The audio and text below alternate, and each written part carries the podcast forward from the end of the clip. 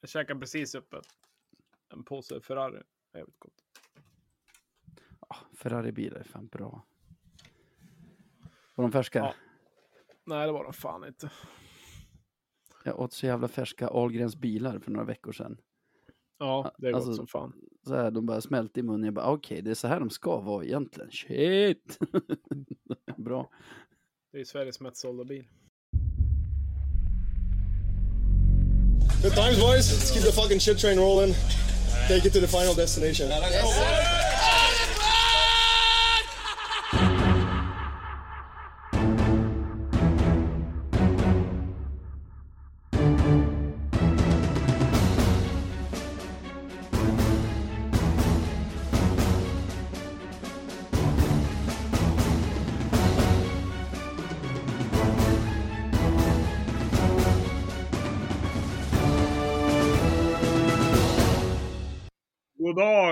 Alla där ute. Välkommen till ett nytt avsnitt av Radio 1970 101. Nu har vi tagit oss förbi 100 avsnitt. Tack för ett väldigt bra 100, 100 avsnitt förra veckan. Det var matnyttigt tycker jag. Det var jäkligt skoj också. Kul att höra om lite allt möjligt som har hänt genom tiderna. Men nu är vi på väg mot 200, eller hur Navid? Med, vad säger man, springande steg, med raska steg. På väg mot 200. Det känns snart ändå. Med tanke på hur fort de här första 100 avsnitten har gått i alla fall. Ja, precis. Vi ska försöka komma upp i 100 också på Supermåndag. Så att vi har väl eh, lite content framöver att gå igenom. Så det gäller ju att babbla på framöver. Eh, Ja. Vi har väl lite grejer som har hänt i veckan. Om vi börjar med skadorna, Navid. Vad säger vi där? Jag skrev en tweet idag som jag tänkte läsa upp. Som är så här. 1. Tänk på ett lag i Hockeyallsvenskan, vilket som helst. 2. Ta bort de två bästa offensiva backarna. Spelarna som gjorde flest mål förra säsongen. Tredje och fjärde centern. Och om han inte redan är borta nu, även lagkaptenen. Hur slagkraftigt lag har du kvar då? Och vet du vad jag gjorde nu medan vi satt och babblade här innan? Nej. Jag gick igenom serieledarna Modo för att se vad det här motsvarar hos dem. Som, som vi har spelat den senaste månaden motsvarar med, om man tänker de stegen jag läste upp nu, att de skulle ha spelat en månad nu utan Pontus Nässén, David Bernhard, Emil Wahlberg, Riley Woods och Adam Pettersson. Undrar hur det Ja. hade gått? Det blir ju... Ja, då, då har de ingen kvar i poängligan längre som ligger i toppen där i alla fall. Hade de ledat serien? Jag vet inte. Alltså, det är ju svårt att jämföra så här rakt av, för jag kan tycka att de här spelarna som jag läste upp nu är bättre än de spelare vi saknar, så att det blir ingen rättvis jämförelse. Men det blir ändå på något sätt talande för vad det är vi har som vi inte använder, eller som vi inte kan använda. Nej, men det är klart att vi har väldigt slagkraftiga spelare borta som gör skillnad för laget. Och som kanske gör att vi vinner en match med 2-0 istället för att förlora en match med 2-0 mot Tälje borta bland annat. Och att vi kan stänga Karlskoga hemma. Eh, möjligtvis då. Nu, nu vänder vi ju den matchen så att vi får väl nästan vara nöjd med ett poäng. Men det är klart att det, det sliter ju och framförallt så sliter det ju sliter det ju på tid, alltså framöver. Det vi gick in med att vi skulle ha så bred trupp och slippa slita på vissa spelare blir ju nästan eh, blir nästan inte så längre. Nu går vi ju väldigt hårt på till exempel centerpositionen och så vidare. Så att, eh, ja, vi blir ett svagare lag, helt klart. Det var någon som uppmärksammade som jag följer här i veckan att i, när vi spelar boxplay Mm. så har vi bara en av våra ordinarie tekare i boxplay. Så Jerry Fitzgerald tekar ju i den ena uppsättningen. I den andra är det väl, är det Wiklund och Possler som spelar i det andra boxplayet? Mustonen och Possler, Mustonen, ja. Det, där har du ju ingen naturlig tekare. Alltså, det är som att i vårt boxplay får motståndaren bara med pucken hela tiden bara för att vi inte har de spelare vi vill ha i, i alla situationer. Och alltså det Vi har ju blivit lite hårt. svagare i boxplay också på slutet. Ja, det har vi verkligen. Eh, men jag känner så här, typ, sett till hur matchen mot Bofors såg ut till exempel, ska vi vara supernöjda med en poäng överhuvudtaget. Men det är inte säkert att den hade sett likadan ut om vi hade haft tillgång till våra spelare. Nej, så är det ju. Och det är klart, alltså, tecknen är ändå så pass viktigt. Det gäller ju att börja med pucken och Eh, alla vet ju, om vi säger ett boxplay och vinna pucken och kunna skicka ut den direkt, då går det ju 30-40 sekunder. Eh, så att det tar ju bort ganska mycket tid av motståndarens chans att göra mål. Så att det är klart att det påverkar. Och sen är det ju betydligt jobbigare att jaga pucken och äga puck. Så att det påverkar ju ganska mycket i hela spelet. Så att teckningar är ju, är ju ruggigt viktigt. Och eh, avsaknaden av bra tega, tekare är ju ganska stor. Vi ligger väl nästan sist i den eh, kolumnen numera. Så det är klart att det påverkar. Ja. Det är ju, som supporter tycker man ju alltid att ens eget lag är värst drabbat av domare och av spelscheman. man, det är alltid värst för Löven. Ja, det är alltid värst för, ett, för ens eget lag i alla fall, känner man ju. Men så här, när jag hör mig för med andra, har ni återkommande varje säsong, alltså så långa perioder med så här många viktiga spelare borta? Alltså, så, så nej, det tror jag fan inte. Är vi, är vi mer skadebenägna i Löven än andra klubbar? Ja, alltså nu synar man inte de andra klubbarna på samma sätt såklart och liksom skulle Västervik få tre spelare som man inte tänker på skadade så kanske man inte ens skulle fundera på det. Men det är klart att jag la ju också ut en tweet idag. Man får ju passa på medan Twitter finns kvar och lägga ut, uh, lägga ut lite information. Men jag valde jag googlade egentligen bara skade Björklöven 2013, skade Björklöven 2015, skade Björklöven 2017 och bara så, såg vad jag fick upp. Och det var ju nästan på varje rubrik var det liksom att Björklöven var skadedrabbade, många spelare borta eh, oturskador och så vidare. Så det var ganska systematiskt för varje sökning jag gjorde egentligen. Och, Eh, nu har jag inte gjort det på alla lag såklart, men eh, det är klart att alltså, sju, åtta spelare och så vidare. Det är inte ovanligt att Björklöven har det borta. Och det, menar, det, är ju, det kan ju vara två femmor liksom. Och det är ju inte, det är inte så att vi har de sämre spelare borta heller, utan det känns som att vi alltid ska ta de som är bäst i laget. Eh, nu, nu tänker man väl alltid katastroftankar, men det är lite på den nivån. Tycker jag i alla fall. Vad tycker du själv? Ja, lite så. Alltså, om vi säger hittills den här säsongen, eller i den här skade, skadeperioden som vi är inne i, så har det ju inte kostat oss, vi låg typ trea när det började och vi ligger ju trea nu. Däremot så har ju Modo och Djurgården seglat iväg lite grann nu på ett, alltså, och har ett lite större försprång än vad de hade där för typ en månad sedan. De hade väl nästan det var bara någon poäng som skilde då. Nu är vi på, ja, jag vet inte exakt hur många poäng bakom. Eh, men jag tycker samtidigt att så här, vi är fortfarande trea trots den här månaden. Så det är ju alltid något. Ännu så länge så, så har det inte lett till någon katastrof. Jag har, ser du att jag skrivit i Köris skadekriser vi minns? ja, vilken härlig rubrik ändå. Alltså. det, det, är ett inslag som jag hoppas inte blir stående. Jag tycker, om jag får säga något, det var väl, var väl härligt när var det Selstedt som blev skadad i båset när vi redan hade första keepern skadad. Han var väl skadad när han fick en puck på sig eller någonting. Han eh, gjorde illa handen eller vad det var. Så fick vi ta in en tredje keeper. Så det var ju var inte, då, var inte då ägget fick komma in eller vad det var. Nej, jag vet inte. Men det var... Eh, det finns väl några genom åren.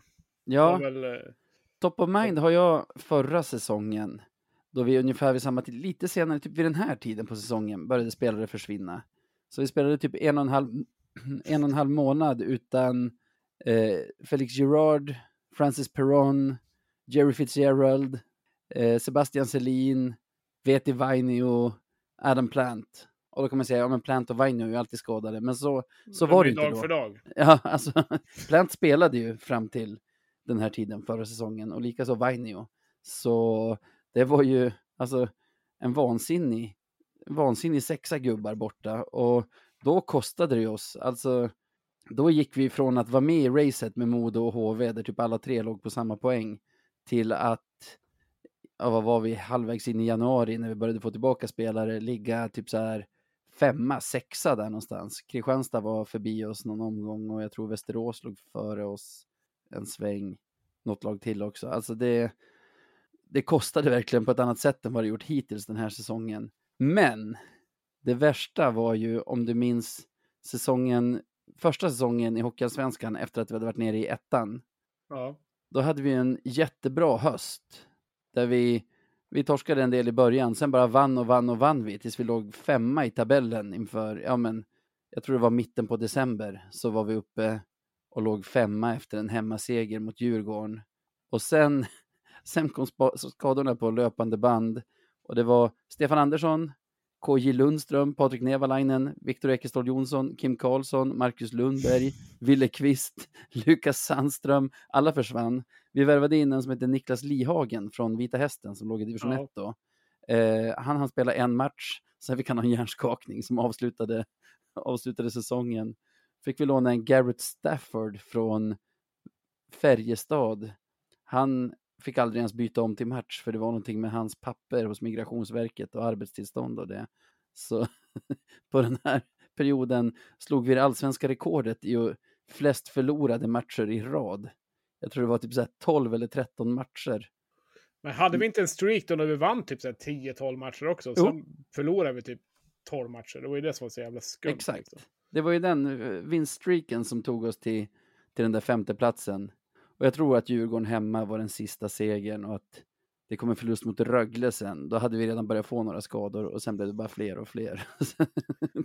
Till slut var det svårt att ens dressa Det var ju den säsongen vi hade så otroligt mycket lån i truppen. Mm. Eh, har du någon gissning på hur många lån vi hade i den truppen? Åtta kanske? Ja, bara 14. 14, ja. Men det blir ju så, har man typ så här 14 spelare på skadelistan. Ja, men det var ju då vi lånade in Starkbaun eh, bland annat. Om vi lånade inte in honom från Modo eller vad det var. Sen hade vi ju, eh, ja vilka hade vi mer? Vi hade Enström, vi lånade in Gustav Hjalmarsson, vi lånade in Mika Persson Ris, eh, Jesper ja, Törnberg. Men sen var det ju också det här, i slutet av serien så var det ju vissa lag som låg i ingenmansland som alltså redan innan transfer deadline såg att de varken skulle spela slutspel eller behöva kvala. Så vi lånade ju in halva Södertälje där i typ mitten på februari för att ha med oss i negativa kvalet och det. Så då fick vi in han Desimone, eller vad han hette. Kommer du ihåg honom? Svagt, väldigt svagt. Jesper Törnberg gjorde sin ja, första stämmer. sväng i Löven då. Det var ju ett lån från Södertälje. Och så mm. lånade vi även in, jag tror från Almtuna, han Fredrik Sandgren. Ja, det stämmer. På backen. Som liksom kom eh. så här i mitten på februari och bara välkomna, vi behöver er verkligen. Ja, det var ju otroligt, otroligt märklig säsong. Eh, var, det, var det inte då vi körde någon bytesaffär med, var inte det typ Reinarsson mot eh, Isak Arling eller vad det var i slutet av säsongen, de skulle rädda oss kvar eller något liknande. Kan ha varit någon säsong senare också. Jag vet att vi hade något sånt där på slutet, då skulle vi, då skulle vi gå upp, eller då skulle vi hållas kvar, då bytte vi in eh, Isak Arling. Liksom. Det är andra tider nu. Ja, det är ändå det. Alltså jag kollade på någon laguppställning från den där skadeperioden och vi hade liksom ett backpar var Libelin Bäckström och Isak Arling som var liksom tredje backpar i, ja. i en match mot, jag tror det var Västerås. Och ja, typ just så pass tre kedjor också. Det, det var helt otroligt. Och jag menar, en sån säsong blir det ju mycket lån. Särskilt som om man lånar in en, Niklas Lihagen till exempel. Han hinner spela en match innan, innan säsongen tar slut för honom. Och, det, ja. det kanske är bra att det är lite restriktioner med antal lån nu då. Men är det det mellan lagen i, i serien? Eller kanske, kanske SHL? Ja, jag tror, jag tror nästan bara det är SHL som vi har en sån det är ju inte så jättevanligt att man lånar in, lånar in av varandra heller. Det händer väl, men det är ju, det är ju inte allt för vanligt. Veckan i siffror. Två spelade matcher, noll vunna, en poäng, 4-7 i målskillnad, nollprocentigt PP, i och för sig bara fått två PP på de här matcherna. Ett 66,67 procentigt boxplay. Två insläppta på sex boxplay. Det är det är inte de siffror man hade hoppats på här för en vecka sedan. Nej, verkligen inte. Det är ju... Vi satt väl här för något avsnitt och var hockeyglad när vi hade vunnit allt och tagit 9 och 9 poäng ungefär. Och nu är man tillbaka på, på jorden igen. Det var någon som är inne på jobbet idag och han vet väl om vilket lag jag hejar på och tänker att hur är det nu då? Eh, men jag sa väl, nu är det precis som det ska vara. Det är precis som det ska kännas. Så att på något sätt så är där vi ska vara. Men lite som du är inne på med tabellen också. Vi ligger ändå hyfsat till. Eh, skulle det vara så nu till exempel just nu när Kristianstad möter Djurgården att de lyckas nagga någon poäng också så vi är ju fortfarande med i, i toppracet i allra högsta grad. Så att trots skador och trots att det har gått lite sämre så har vi fortfarande bra läge på bra placeringar i tabellen. Så att det är ingen det att gräva ner sig, men det gäller att få tillbaka lite spelare och kunna vinna någon ishockeymatch här, så att man får lite självförtroende med sig också. Finns det någon som verkar vara relativt nära spel? Är det Bengtsson som är närmst eller? Vad det låter. Alltså jag, jag, jag tar väl inte det där på fullaste allvar längre, för att Vaino har ju faktiskt varit dag för dag sedan förra säsongen i princip. Så att, eh, jag tycker att det är lite svårt, och, svårt att säga det där. Men Olofsson verkar väl vara väldigt långt bort. Eh, Vaino är väl två, tre veckor någonstans, de har sagt nu i alla fall. Plant är ju borta såklart. Ja. Eh, Fredrik Andersson är ju till efter jul, va? Eh, jag gillade, hörde du när, du, när vi intervjuade Kente? Då hade ju ja. Fredrik Andersson nyss varit i VK och sagt så här, just efter nyår typ, räknar jag med. Mm. Och Per var så här, äh, honom räknar jag med innan jul. det är kungligt. Ja, han, han vill ha tillbaka. Nej, men det är väl, eh, det är väl Bengtsson mm. som är närmast då. Det låter ju så. så då. Och eventuellt Postler då. Jag vet inte exakt vad det är med Postler då. Just det, han har inte tränat efter att han klev av mot Södertälje.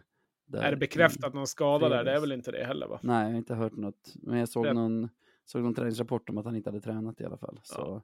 vi får se. Om du var sportchef, Jesper, mm. och du fick bara värva en spelare just nu i det läget vi är, vilken position skulle du värva till då? Ja, målvakt. eh, ja, nej, men det är väl ofrånkomligt såklart. Eh, det är ju uppåt i laget en center, eh, givetvis en, eh, en skicklig, skicklig center med lite rutin som vet hur man, hur man tekar och eh, liksom kan, kan bära lite puck. Eh, så att vi får ha lite mer puck genom mittzon framför allt och kunna börja med, börja med pucken. Eh, så gärna någon som eh, kanske ett bra SL-lån eller liknande, vad vi nu skulle kunna få in. Eh, det beror lite på hur långt bort våra, våra centrar är. Men eh, vi lider ju lite grann där så att en Kentekam hade inte skadat. Eh, vad tänker du själv då? Alltså center är väl rätt svar om man säger så. Däremot har jag börjat känna mer och mer att vi liksom vi kommer verkligen behöva en ersättare till Jesper Lindgren. Eller i alla fall behöva en offensivt stark back. Alltså, hell, alltså gärna, någon, gärna någon typ som vi hade i Alexander Deilert. Någon, någon back som är ett hot från blå i powerplay och i 5 mot 5. För där tycker jag så här, det är lite jämngrått. Alltså det är ju Kim och Jacke Andersson som vi har i powerplay nu.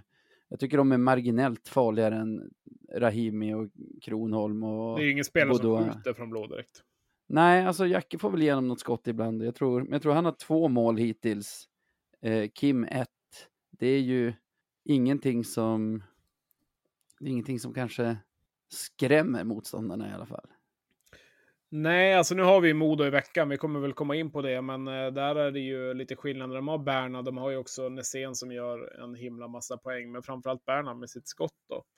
Eh, och det är klart att vi skulle behöva det. Nu är det ju många lag som vill ha en hårt skjutande back som får igenom skotten och det är ju inte allra lättaste och framförallt inte att hitta till Hockeyallsvenskan. Men eh, jag tycker väl vi har saknat det nästan egentligen sedan eh, Stefan Anderssons tid. Någon som kunde få igenom få igenom pucken. Eh, nu har vi ett väldigt stabilt defensivt, defensiva backar egentligen. Eh, vi har väl inte någon som är jättestark offensivt nu när Weiner är borta, Lindgren är borta. Ehm, så att det saknar vi absolut. Jack Andersson är väl där, men eh, inte riktigt fullt ut. Så att eh, vi skulle absolut behöva det. Men det är ju inte, det är inte bara Björklöven som vill ha en sån back såklart. Eh, och går vi in för slutet så kommer ju topplagen överlag att vilja värva på. Så att jag tror nog Kent också gärna hittar det, men det är ju frågan hur lätt det är att hitta något sådant för en vettig peng just nu. Ja, för det måste ju vara liksom, alltså eller så här, offensivt skickliga backar är ju det svåraste att hitta av alla, alltså även när det inte är, även när det inte är snål marknad som man, som man säger att det är nu så, så är det ju det som, som brukar vara det svåraste att hitta, men alltså den dimensionen man får då är ju, är ju någonting annat liksom.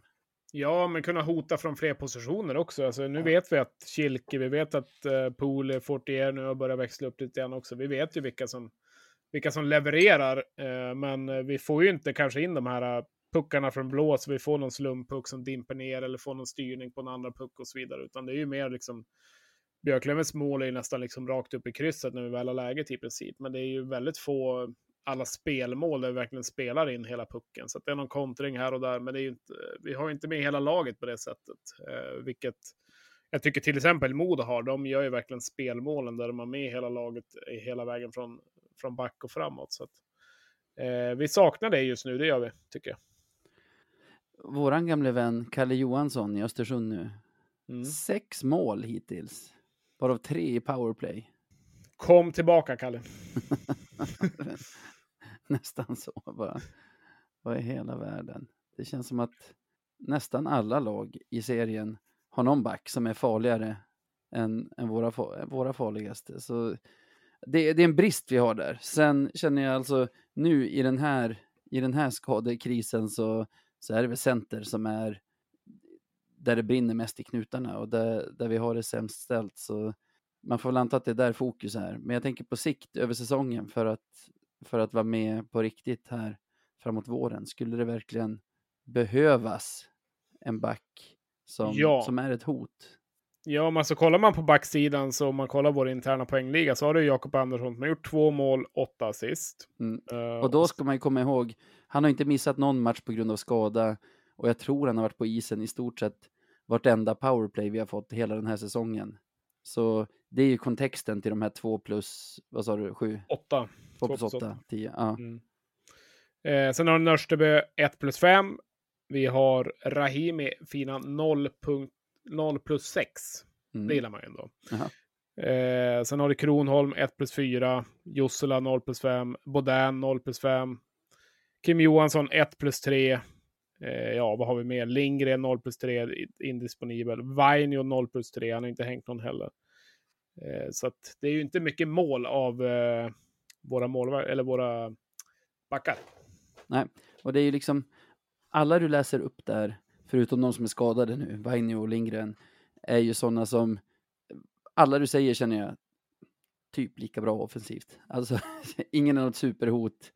Eh, alla, alla kan få en puck och ramla in här eller där, men det är någonting jag verkligen saknar i laget och har egentligen lite saknat sedan Deilert försvann. Även om jag tycker Lindgren har en bra offensiv, men inte på samma sätt. Alltså, han trycker inte igenom skotten på det sättet som Deilert gjorde. Däremot är han ju otrolig på blå linjen med att så här, läsa spelet, vara på rätt ställe och stoppa pucken och, och fördela passningar och så. Så på, på det sättet saknar jag honom jättemycket. Men, men du vet den där Deilert-typen, eller som du sa, det gillar jag, Stefan Andersson-typen. Det, det är någonting vi saknar just nu. Ja, alltså om man kollar på Vainio också, alltså det är klart att Vainio är en otroligt skicklig spelare, men han är ju inte heller den som kanske får igenom skotten på det sättet. Han är ju mer duktig att kunna ta med sig pucken och kunna liksom hitta en position långt fram, liksom framme i målet nästan, var på, nästan på fel position som back. Han är ju duktig, han är ju duktig på det och liksom hitta, hitta nya lägen och är väldigt bra med spelet utan puck då. Eh, så att, eh, nej, ja men vi saknar det absolut, jag håller med dig. Eh, Kent, om du lyssnar på det här, värva en bra back som skjuter. Mm. Tack.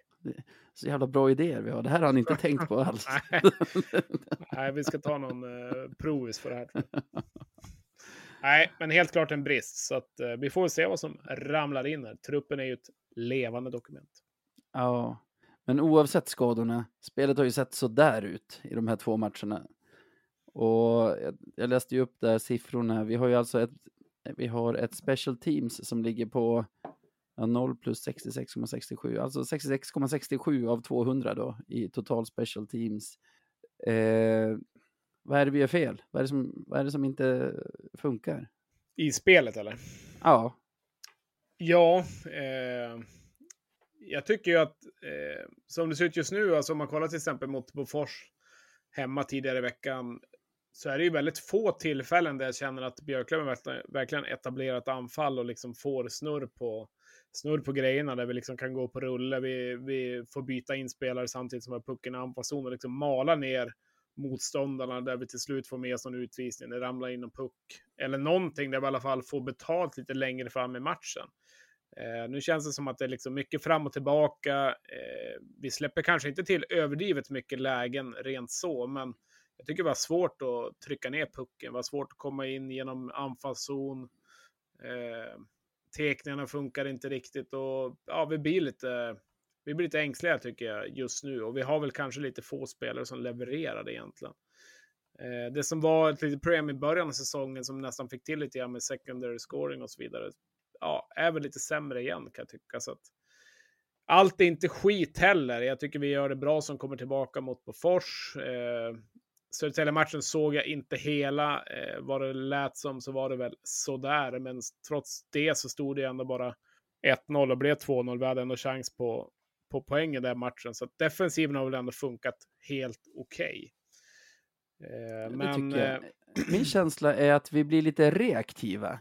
Att mm. vi inte är det laget som styr matcherna, det laget Nej. som kan gå och byta samlat när, när vi, alltså i de lägen vi vill byta, utan att vi kanske så här tvingas hela tiden byta när vi har chansen och gå till någon sorts motanfall och liksom kontringsspel. Jag tänker, det är flera gånger i båda de här matcherna som man ser när vi startar våran press till exempel i offensiv zon. Hur första gubben sätter press, andra gubben kommer och sätter press, tredje är och byter för han har inte hunnit byta förrän nu, så kommer de loss och liksom kan spela sig fram till ett anfall motståndarna. Och, och då har vi liksom, då har vi liksom tappat, då har vi tappat eh, den, den pressen, den eh, möjligheten till forecheck, möjligheten till att vinna puck och istället hamna liksom på hälarna i defensiv zon igen. Och det är svårt att säga vad man, alltså hur vi hamnar i det. Eh, ja, Eh, det är svårt, men, men framförallt så har det väl lite grann det. Vi får ju börja med pucken väldigt, väldigt sällan numera och kommer ju inte in det trycket lite grann. Sen är det ju lite svajigt med gubbarna. Vi tar mycket utvisningar. Eh, så att många får vara kall ganska länge och vissa får spela väldigt mycket också. Eh, så att vi kommer inte riktigt i takt i, i matcherna som vi vill just nu. Eh, så att det är ju något att verkligen råda bot på. Vi har väl, det är väl det laget som tar mest utvisningar också. Det är klart att det är inte lättare att vinna ishockeymatcher när man sitter i utvisningsbåset, även om man är hyfsat bra i boxplay. Så det är väl sådana här enkla grundgrejer som eh, alla lag pratar om hela tiden. Eh, nu ska vi liksom vara med från start, vi ska inte ta några onödiga utvisningar, vi ska vinna tek och så vidare. Men ja, det funkar inte riktigt till 100 procent och då är det svårt att vinna matcher också. Det är ju lite av vår nästa punkt här, att vi fortsätter ta fler utvisningar än motståndarna. Båda veckans matcher så har vi fått spela ett powerplay per match. Vi har haft tre powerplays emot oss i båda matcherna. Hänger det här ihop börjar jag tänka nu när vi pratar om det. Blir vi reaktiva, motståndarna får styra matchbilden, så är det vi som tar utvisningarna. Är det så enkelt? Oftast är det ju så att du tar ju mycket utvisningar när du inte hänger med. Eh, sen kanske jag inte tycker att Björklöven inte hänger med motståndarna. Det tycker jag väl ändå att, att Björklöven gör. Vi är inte utspelade på det sättet, men... Fast det är ju laget som för matcherna och har mest puck, tänker jag, som får flest utvisningar med sig i vanliga fall. Men jag tycker den här utvisningsgrejen har varit med oss hela säsongen. Även när vi inte var, alltså även när vi spelar bra och har vunnit matcherna så har vi, känns det som, tagit fler utvisningar än vad vi har än vad vi har fått med oss utvisningar. Så har du någon känsla vad det kan bero på?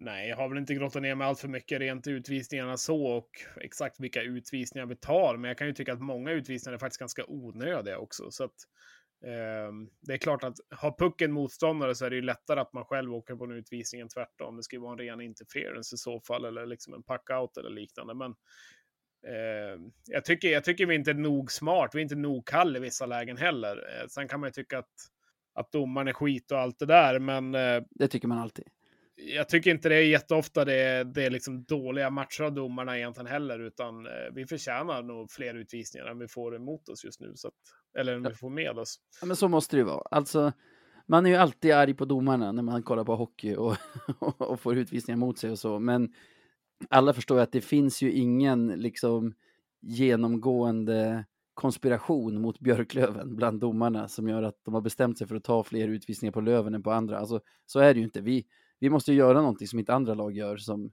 som gör att vi landar i utvisningsbåset mycket. Och jag fattar inte själv vad det beror på, men det fortsätter ju och fortsätter. Ja, man skulle ju egentligen ha fått kolla exakt vad det är för utvisningar också, kunna liksom bena det i detalj. Men samtidigt så vet jag inte, ska vi lägga energin på, de, på de sakerna? Vi har lite annat att fokusera på. Jag hoppas att Björklöven gör det också. Eh, det enda man kan tänka på det är ju vara var lite smartare, vara lite kallare, snacka inte så mycket skit vara noga med bytena så att man inte åker på sådana onödiga utvisningar. Eh, så att, men framförallt se till att börja med pucken, ha pucken, äga pucken. Eh, så länge man äger pucken är det väldigt svårt att åka på utvisningar. Så att det är väl ett stort grundproblem i sig och då, då löser sig det andra lite, lite av sig självt också. Ja, vi får hoppas det. Om inte annat har vi lärt oss ett bra trick här mot Bofors när de gör sitt 4-1 mål. Man, man, får tydligen lägga sig på motståndare och trycka ner dem i isen och hålla fast dem där för att skapa frilägen till sitt eget. Ja, helvete vad ledsen man blir. ja, men alltså vad är det för någonting? Alltså man då får komma in på domarna. Alltså problemet med den situationen också i sig är ju att hade inte pucken liksom gått tillbaka om Löven hade fått ner den i anfallszon, liksom, då hade det aldrig blivit en grej av det. Nu blir det ju en spelvändning och att det blir mål är ju, det är ju såklart jäkligt olyckligt. Ser man bara situationen i sig, att Rahimi blir nerbrottad eller knuffad eller vad det nu blir, så ah, jag vet inte om jag tycker det är utvisning egentligen. Så hårt Inte när han går ner i isen tycker jag. Det är snarare nej. det som händer sen när han inte får kliva upp. ja, nej precis. Han får ligga kvar där. Eh, så att det är väl någon som skrev att ja, men Rahimi håller i benet. Ja, det kanske är någon sanning i det, men samtidigt, vad ska Rahimi göra? Ska man lägga sig ner och dö liksom? Så att, det är en ganska olycklig situation. Ibland blir det ju mål verkligen i fel lägen för domarna också. Men det blir de en dråplig situation eftersom han som, han som står och trycker ner honom sen sticker iväg och gör en assist till ett friläge till 4-1. Men vi behöver inte fastna i den heller. Alltså, så länge vi har människor som dömer så kommer det bli något fel här och där. Jag tycker inte att jag tycker inte att vi har på något sätt domarna att skylla för någonting som har hänt den här veckan i alla fall.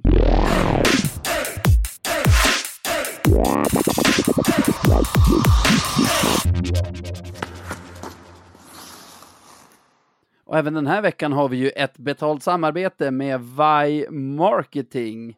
Vilka är det nu igen Jesper?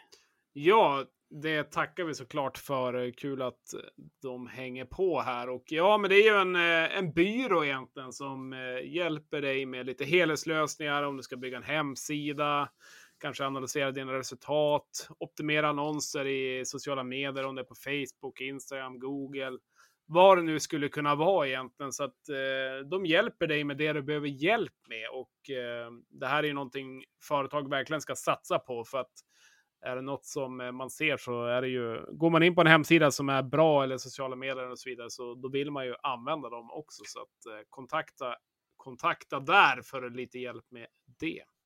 Exakt, och det här med helhetslösningar är ju alltså, har du ett projekt som innehåller någon typ av marknadsföring, eh, hör av er till VAI. Och hur gör man det Jesper? Ja, det är väl lite samma sak som när man ska höra av sig till eh, till oss, höll jag på att säga, Radio 1970. Men det byter ju adress självklart. Du når den på info at vymarketing.se eh, ifall du vill slänga iväg någonting där och skriva in dina uppgifter och vad du vill ha hjälp med så tar de kontakt med dig eller med deras hemsida vymarketing.se och vill ni liksom se en snygg hemsida gå in så kan ni kika där också för att få lite referenser. Så det är väl de bästa vägarna skulle jag säga.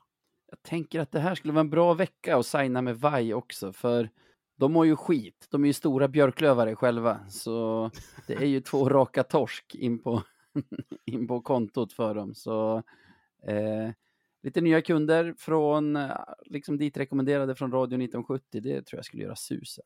Absolut, eh, det tycker jag verkligen. Så att, som sagt, ta kontakt eh, och eh, så får ni hjälp med det. Ettan Chili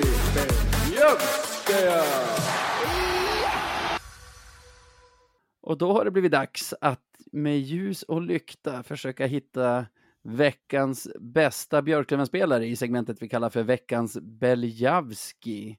Det finns ju lättare och det finns svårare Beljavski-veckor kan jag känna.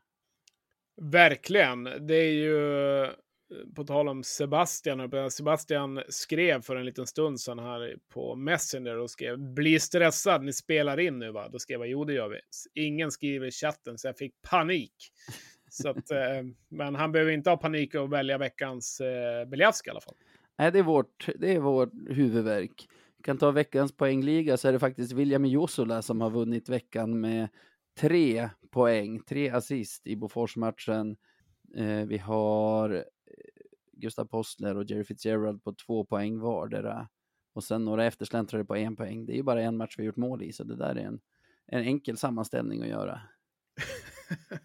ja, det är inte mycket att välja på där i alla fall. Nej, eh, jag dundrar på.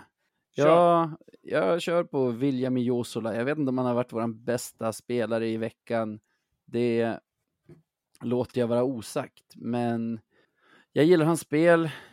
Jag gillar hur han tar för sig. Han är ju fortfarande liksom, han väger ju himla lätt och blir ganska enkelt, vad ska man säga, han har svårt i närkampsspelet, det har han. Men jag tycker han spelar på sina styrkor och de här tre målpassen är ju tre andra ass där han egentligen eh, möter puck på blå och lite chippar ner och, och får ett andra ass med sig. Men jag menar, bra saker händer när man gör, när man gör rätt på isen. I, den här, i det här fallet så, så tickade det in tre pinnar för honom och en veckans Beliavski-nominering av mig.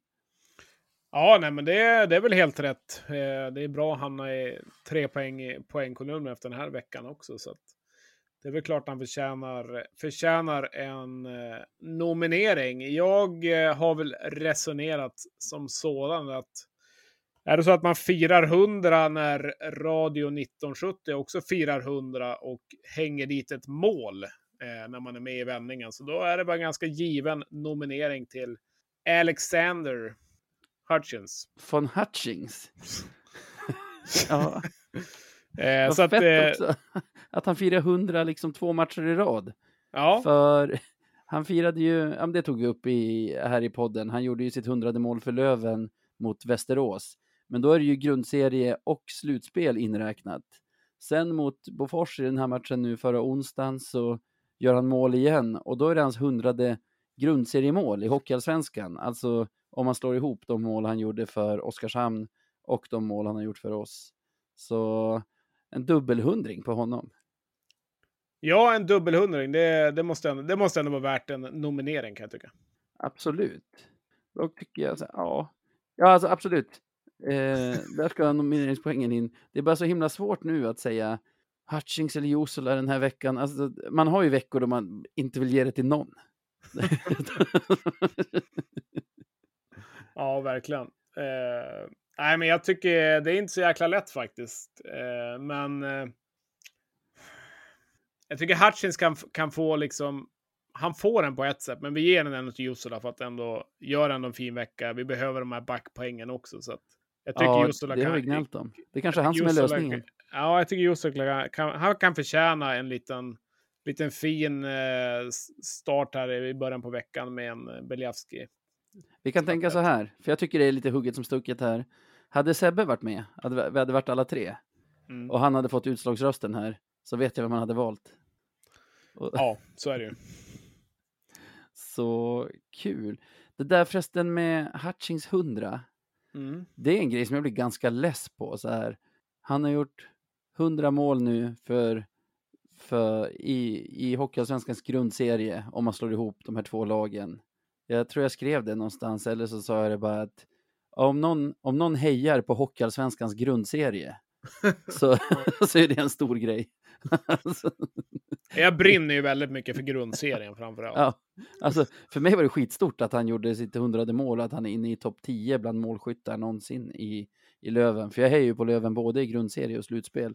Så den där listan är ju mer viktig för mig. Eh, det här mål i Hockeyallsvenskan, det är också så här, okej, okay. jag tror jag varit inne på det någon annan gång.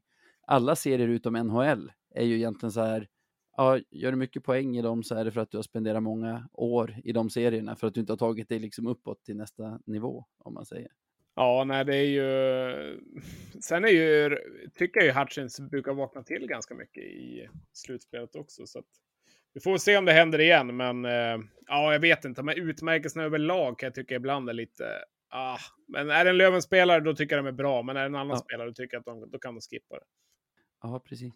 Första utländska spelare va, som har gjort 100 grundseriepoäng i Hockeyallsvenskan. Yes, det är värt att, värt att nämna.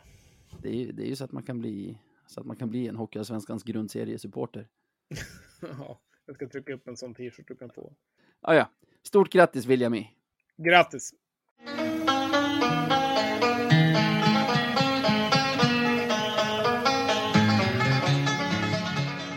Veckans Marklund. Ja, veckans Marklund. Nu ska vi utse veckans mest klandervärda i hockey-Sverige, håller jag på att säga, eller om det blir världen. Eh, jag har ju fått äran att börja på det här segmentet och det kan jag inte heller Eller övriga säga. världen, ska sägas. Ja, precis. Yttre världen. Jag såg att NASA sa att om eh, tio år så skulle det vara bo folk och jobba på månen. Så att vi får se vad det blir, blir av det då. Shingpax inte jag. Nej, eh, ta med dig micken dit så blir det något bra avsnitt. Har du någon nominerad den här veckan? Ja, knappt egentligen. Jag har ingen stark på något sätt. Eh, det, det, här är väl mer ett, eh, vad ska man säga, han får, han får, det är en han det här, det är en Mm. människa. Han får nomineringen mer för, kanske inte för själva situationen i sig, för det som hände, utan mer efterspelet, det som hände efter, som jag tycker är lite sådär faktiskt. Eh, under veckan så spelade ju Modo mot Västerås och eh, vann väldigt komfortabelt. Det vart väl en 6-1 till Modo där på fredagskvällen var det väl. De gjorde väl ett besök tidigare också i Västerås, vann med 7-1 eller 7-0 Ja, eller vad det var. Så det. de, eh, de gillar att möta Västerås. så att det är en sak, men i den matchen i början av tredje perioden så får ju Modo den skada de inte vill på Woods som ligger ner och eh, ganska svagare prisbilder, inte mycket att ta utav. Eh, första rapporten var väl att, att eh, Fryklund hade dragit någon eh, eh, klubban eller någonting och rappat han över benen eller vad det var. Sen är det någon som sagt att de har krockat och så vidare. Men det har inte lett till någon anmälning i alla fall. Så att det verkar inte vara allt för fult. Dickinson får en femma i fighting och Fryklund får en femma i fighting också. Men det är väl mer efteråt när Woods väl ligger skadad och eh, Fryklund eh, drar väl typ ett hånskratt i princip. Det ser ju inte så här jättesnyggt ut. Eh, sen exakt vad han skrattar åt är väl svårt att säga, men eh, oavsett eh, vilken spelare det är, och det är klart att det är bra att en toppspelare utgår rent så, man får se väldigt egoistiskt på det, men det är inte bra för ligan heller. Det är, vi vill ju att de bästa ska spela, så att jag tycker Fryklund får den på grund av det bara. Sen eh, brukar han ju kunna ha lite problem. Det var väl även mot, väst, eller mot Löven under slutspelet i fjol han inte var eh, I balans. i balans. Så att, eh, jag vet inte om han fick den då av er, men han får den nu i alla fall och det kan få retroaktivt för det också. Så att eh, Fryklund får min nominering. Han kan ha varit omnämnd då också. Det är intressant med Frycklund, för han, han är ju otroligt bra spelare till att börja med. Och han har ju den här, alltså, nu säger jag det som någonting positivt, fulheten i sig. Alltså det som man gillar med Alex Hutchings också, att han är där och han är jävlig och liksom eh, tar för sig. Men för sådana så är man ju hela tiden nära gränsen också. Han känns som en sån som, som har lite problem med det. Han hamnar ibland på fel sida gränsen och beter sig liksom ja, direkt osportsligt. Och, ja, jag håller med, det är inte snyggt. Jag har inte sett bilderna, jag har inte sett tacklingen och jag har inte sett eh, den här eh, hånskrattet. Eller han, han gestikulerar för diving också, eller hur? Ja, alltså det är någonting där i alla fall. Det, Ja. eh, jag vet inte, jag tycker, jag tycker inte det såg snyggt ut i alla fall. Det var Nej. det jag noterade i det hela. Ja, det är en bra nominering. Jag har en grej, det är väl egentligen inte heller, jag, jag kommer att tänka på det i veckan. Eh, ko- kollat en match från fotbolls-VM, det var Iran, eh, England. Gick sådär för Iran får man säga. 2-6 va? Ja, men noterade att domarna har börjat lägga till väldigt mycket tid i fotboll nu för att undvika maskningar, vilket gör att man har ingen aning om hur mycket tid det är kvar. Och då kommer jag tänka på en grej som jag har funderat på förut, som, som gör mig egentligen, alltså inte galen, men som gör mig otroligt irriterad på fotboll. Och det är att man nu 2022 fortfarande har ett system för tidhållningen som är så här, ingen i hela världen, inte ens när det är liksom VM och miljarder tittar, har man inte ett annat system än typ så här, hur mycket tid är det kvar? Ah, det är bara domaren som vet. Ja. Ja men, ja men typ då, jag vet inte. Så här, snart här när det har gått 45 minuter, då kommer en snubbe att ställa sig och hålla upp en skylt med en siffra på. Och typ så många minuter är det, men oftast lite mer. alltså, det, finns det någon annan sport där, där tidtagningen funkar så? Eh, nej, det är ju väldigt otydligt. Eh, det kan ju vara liksom att ja, ibland är det tre minuter tillägg i, efter första halvlek och de spelar typ sju minuter och ingen fattar någonting. Och ena laget hinner köra typ fyra hörnor och två straffar och liksom tre frisparkar innan de har tänkt blåsa av. Efter de där sju minuterna också. Nej, det är väldigt otydligt. Tänk den i hockey. Så här, ett lag jagar kvittering. Och så här, när det är slut då? Ja, men så här, när den där matchklockan som aldrig stannar har gått upp till 20, då kommer någon kille ner i sekretariatet och håller upp ett, en skylt med några till minuter. Då är det kanske så många minuter kvar. Det kan vara lite fler också. Det, alltså, lös det bara. Ja, det är ju. Det passar väl för de som kanske inte har någon jumbotron egentligen att köra, köra det upplägget. Ja, jag tror att Fifa är skeptiska är ju, deras inställning är ju lite grann att en match ska kunna spelas på ungefär samma sätt på Skogsvallens grus i Sävar som, som på Camp Nou, Nou Camp. Hur säger man? Eh, Camp Nou, ja. Camp. Eh, Nej, men det, det blir ju alltså det blir ju väldigt tradiga matcher. Jag har faktiskt inte sett en, minut av fotbolls-VM och det har väl med lite, lite andra grejer att göra. Men jag, jag tycker ju att eh, det blir ju väldigt tradigt och jag menar, det ska inte vara tio minuters förlängningar och så vidare. Eh, jag menar, vad, vad blir det för någonting? Och det känns ju som att det är alltid det bättre laget som till slut får hänga dit ett mål också. Eh, eftersom det är så jäkla korrupt hela tiden. Så att, nej, jag tycker att det, det är klandervärt. Håller med. Och det här är egentligen en spaning jag har stulit från eh, Umeås finest kanske, jag vet inte, Jens Fjällström. För innan jag fick barn och inte hade tid att lyssna så mycket på poddar så lyssnade jag bland annat på en podd som heter Sporthuset. Finns säkert kvar, där Jens Fjällström var en del av den podden och, och han drev den här frågan. Han, jag tror han jobbade på något så här fotbollsundersökningsföretag ett tag som hade kommit fram till att av 45 minuter är det ungefär 30 minuters effektiv speltid. Så man kan lika gärna spela 30 minuter på klocka. Stoppa klockan när det inte spelas, starta, ja men som i alla andra sporter. Och ha alltså ett system där alla vet hur mycket tid som är kvar. Och jag skulle verkligen föredra det över det som är nu. Eller om inte annat, typ så här att domarens klocka är den som syns på, på tv-bilderna och på, och på eh, mediakuben eller vad som är på arenan. Så när, när domaren stoppar sin klocka så stoppas liksom riktiga matchklockan också. Så vet man att det, det är till 90, 90 minuter och 0 sekunder vi spelar till. Inte, inte till 94, 93, 98 kanske.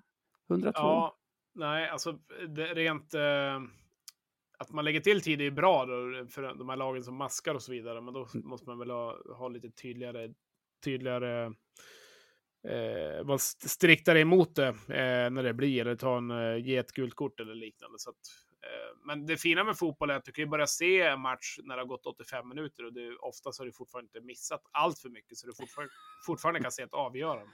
Ja, orättvist. Jag tycker fotboll har, har mer än de sista fem minuterna av varje match. Men det där, jag vet inte, det, det är som en sån här grej, de som följer fotboll mycket, de tycker bara nej, men det ska typ vara så.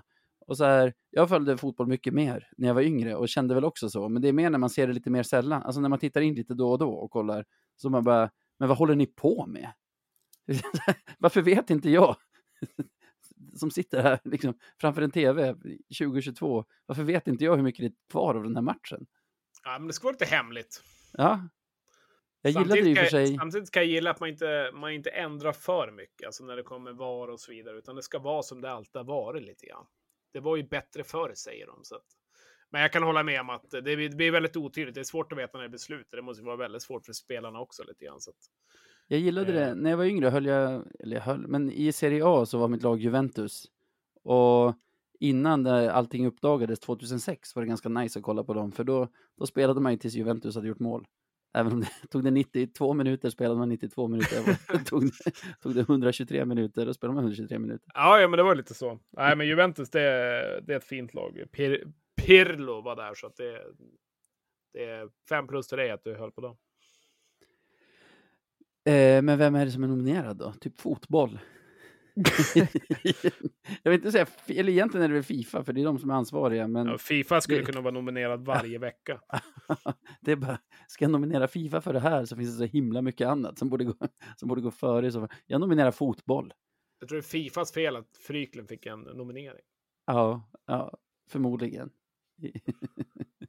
Nej, fotboll är min, det är Frycklund mot fotboll idag. Eh, vi låter lyssnarna avgöra. Sjukt, eh, sjukt oklart. Jag tycker att du får välja här Navid.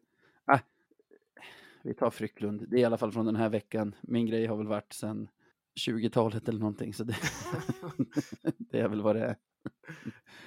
Grattis Frycklund. Mikael i förnamn va? Jajamän. Ja, stort grattis Mikael.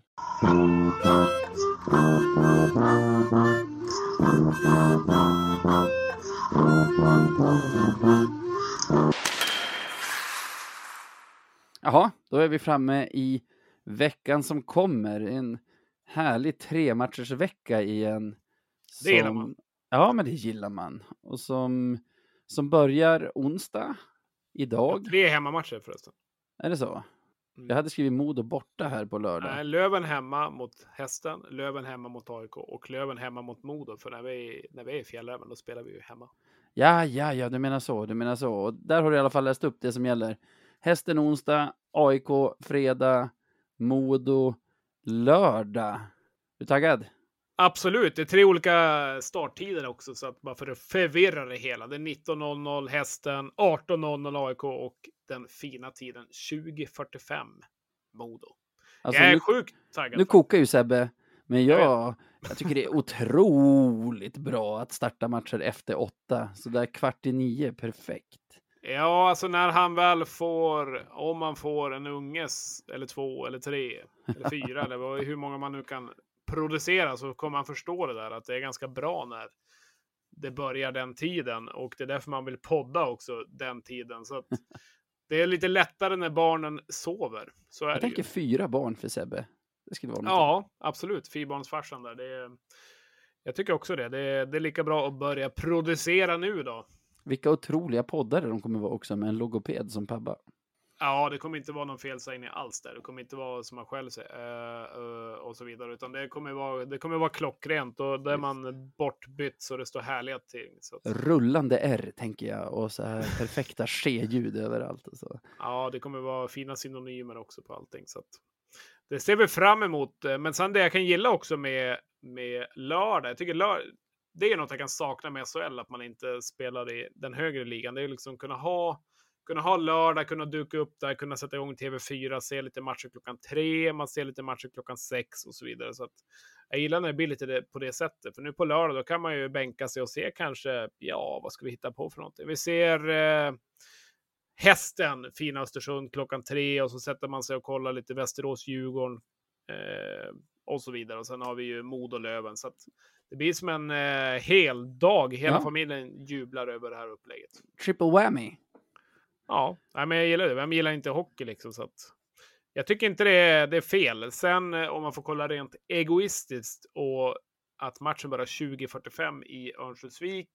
Eh, och på något sätt så är man inbjuden på ett barnkalas i Holmsund 09.00. En fantastiskt konstig tid. Så att eh, det är inte bra i, i det synpunkten. Det är ju barnkalaset som är plumpen känner jag, inte matchen.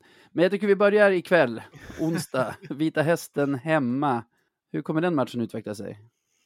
Ja, eh, Hockeyallsvenskan official la väl ut en bild på någon familj som hade, hade gjort lite snögubbar på och det var hela Vita Hästens eh, lag, eller ja, fem spelare och alla såg ju väldigt stillasittande i mittzon där. Snögubbar rör sig inte så mycket och det är väl lite så det brukar vara med Vita Hästen. Det känns som att vi aldrig kommer igenom. De spelar väldigt konstig ishockey lite grann och eh, det brukar vara eh, ett ställningskrig rakt igenom. Det brukar bli väldigt konstiga matcher. Påminner lite grann om Karlskoga-matchen när vi möter, möter Hästen. Så att, Visst är det redan tredje här... gången vi möter dem också för säsongen? Ja, det, vi har väl en borta där, där, där du var med, med Hägglöf och så har vi ja. ju två, en hemma va? Ja. Eh, och så blir det hemma igen här då, så det kan nog stämma.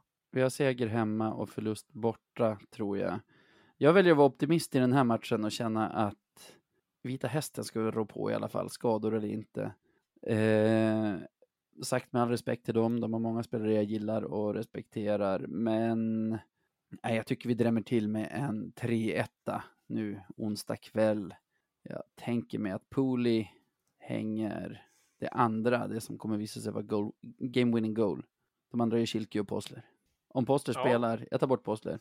De andra gör eh, Kronholm och Mustonen. Kronholm, Mustonen och Pooley alltså? Ja, men det enda jag, det enda jag liksom säger säkert är Pooley gör game winning. och Marcus Eriksson gör poäng. Förmodligen. Har han någonsin spelat mot Löven utan att göra poäng? Nej, det är inte många gånger. Eh, 3-1 alltså. Ja, jag var väl på gång där med mitt resonemang att det är ett ställningskrig. Alltså det här kommer bli en... Eh, det kommer inte bli någon rolig kväll för, eh, för Umeå-publiken den här gången heller, utan eh, det kommer bli jobbiga steg hem från ladan. Det kommer vara en otroligt tråkig ishockeymatch. Hästen kommer inte vilja spela ishockey alls. Eh, det kommer vara mycket utvisningar och skit. Det är säkert någon som åker på någon femma också. Så att jag skulle gissa på att det blir en sån här 0-2 eller liknande. Det blir hästen gör mål tidigt, stänger det egentligen igen eh, och bara går på försvar och hänger 2-0 i öppen kassa. Det är samma som mot Södertälje egentligen. Ja, och samma som hästen borta, den matchen jag var på. Ja, nej, inget roligt superdeppiga matcher att gå på faktiskt. De har inte ens fått fira ett enda mål. ja, jag ska ta med, ta med dottern imorgon tänkte jag. Så det är tråkigt för henne att hon, men jag hoppas de har lite popcorn och grejer. Då får hon höra hela ditt ordförråd i alla fall. Det kan, kan komma ut ord på lådan som kanske man inte säger så ofta hemma framför barnen. Nej, lite så är det väl. Nu är väl inte jag Guds bästa barn heller och kunna lyckas säga det ena och det andra hemma också då. Men eh, absolut. Och så sen AIK hemma fredag. Vill du gå först? ja, absolut. Absolut, jag går gärna först. Eh, sist, eh, eh, vi har väl haft AIK hemma tidigare också och även eh, AIK borta va, när vi förlorade på, på Hovet Aha. med 4-0 blev det väl. Det var väl då Wille Eriksson hängde, hängde sin kasse som han ändå har gjort. Nej men eh, 18.00 fredag. Fredagkvällar brukar ju oftast vara trevliga i Umeå så att det här blir en eh, Äntligen är vi på gång. Vi lyckas få tillbaka någon spelare också.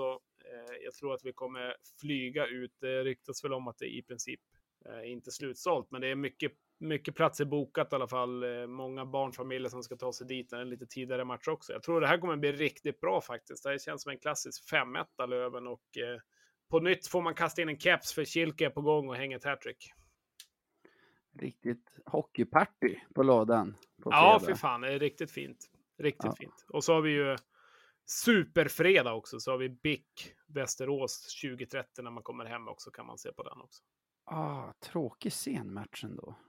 Ja, du är lite besviken. Ja, men det brukar vara dundrande matcher vid den tiden. Det, det är du väl bra match. Du hade helst haft Kristianstad-Hästen där. Åh, oh, det är en fin match. Två härliga gäng.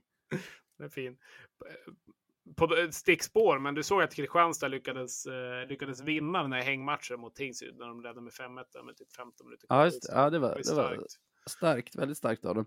Och då så hästen, sa du Kristianstad Vita Hästen på fredag? Stämmer. Så de ska resa från Umeå till Kristianstad. Det är väl de två lagen längst ifrån varandra i hela, i hela ligan. På, blir, blir mycket tid i buss för, för Vita Hästen. Ja, verkligen. Onsdag till fredag, kanske inte så mycket tid hemma. Löven AIK 2-4. 2-4. Ja, jag brukar säga att fredag borde vara förbjudet att förlora på för att då... Ja, det, det, det får inte bli så, det får det inte. Vi har ju Rickard Gynge, alla fyra deras mål, galet. ja, det är riktigt galet. Det är det. Lördag kväll, 20.45 eller vad du sa. Fjällräven Center i Örnsköldsvik. Ska du på den också? Det kan bli så att jag inte åker dit. Jag har egentligen varit på nästan alla matcher där sen, eh, både träningsmatcher och eh, grundseriematcher, slutspelsmatcher sen, sen Modo åkte ner för några år sedan. Men det kan faktiskt vara så att den trenden bryts här, eh, här och nu. Och det har ju att göra med detta tidigare barnkalas som vi har pratat om. Ja, nu står du offline igen, men vi fortsätter babbla på. Så att det är inte säkert att det åker dit. Nej, annars en perfekt vecka. Tre Lövenmatcher, alla på plats. Det vet jag inte. Jag var ganska ung senast jag lyckades med, med den bedriften, tror jag. Eh, hur tror du att matchen kommer se ut då? Får vi det lika enkelt som senast vi mötte dem?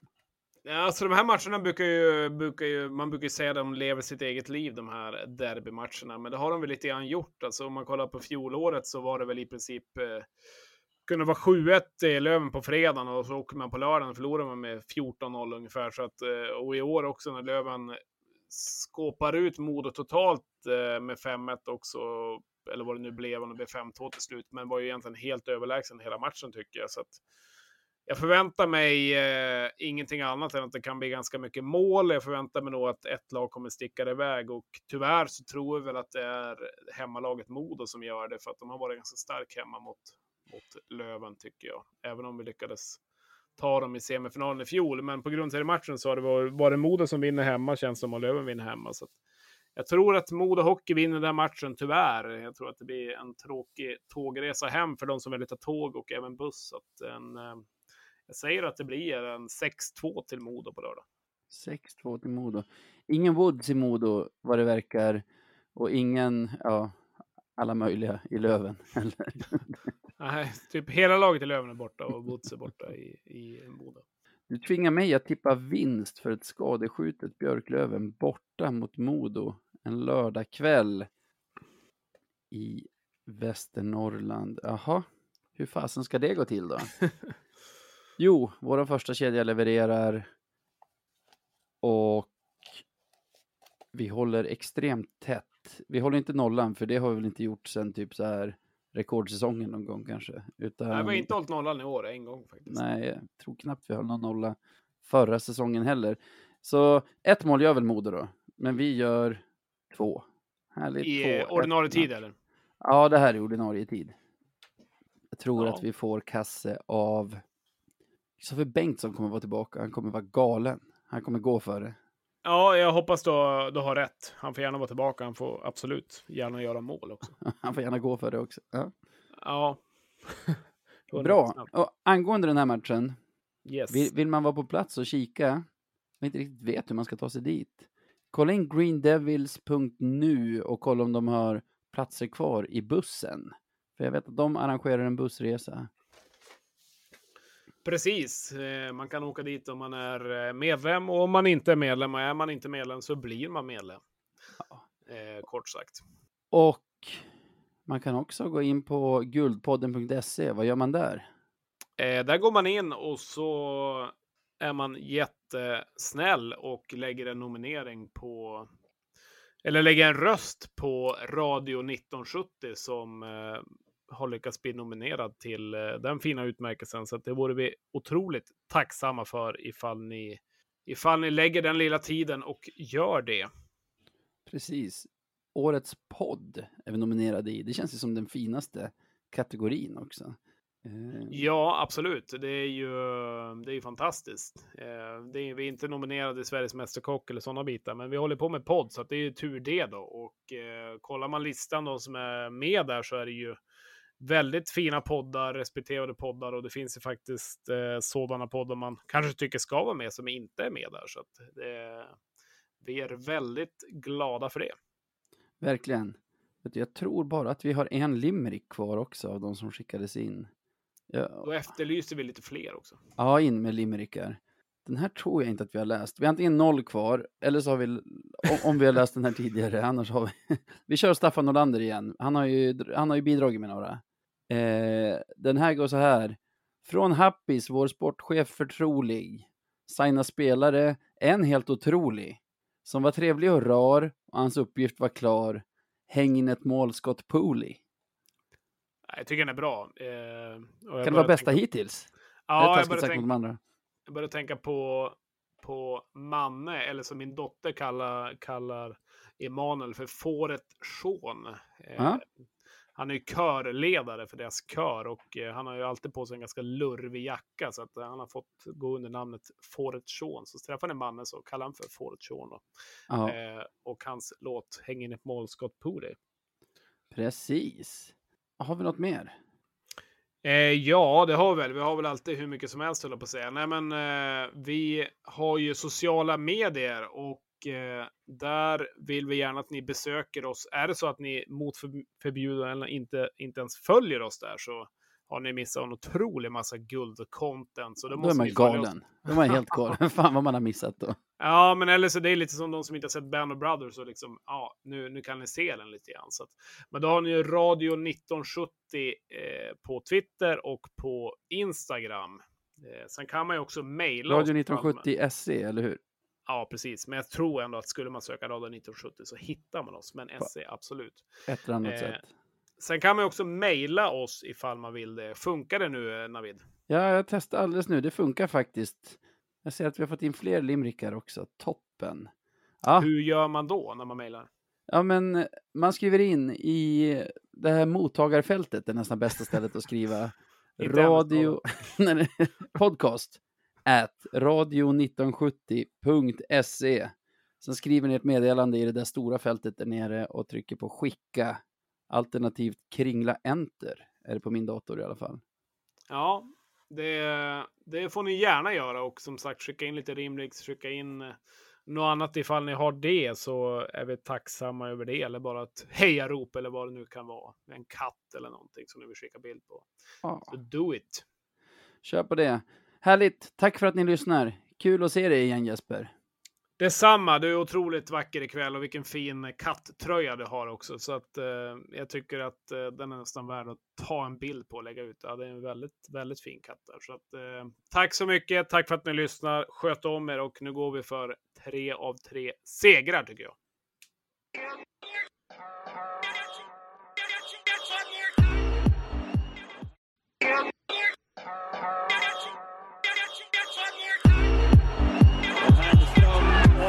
Barcelona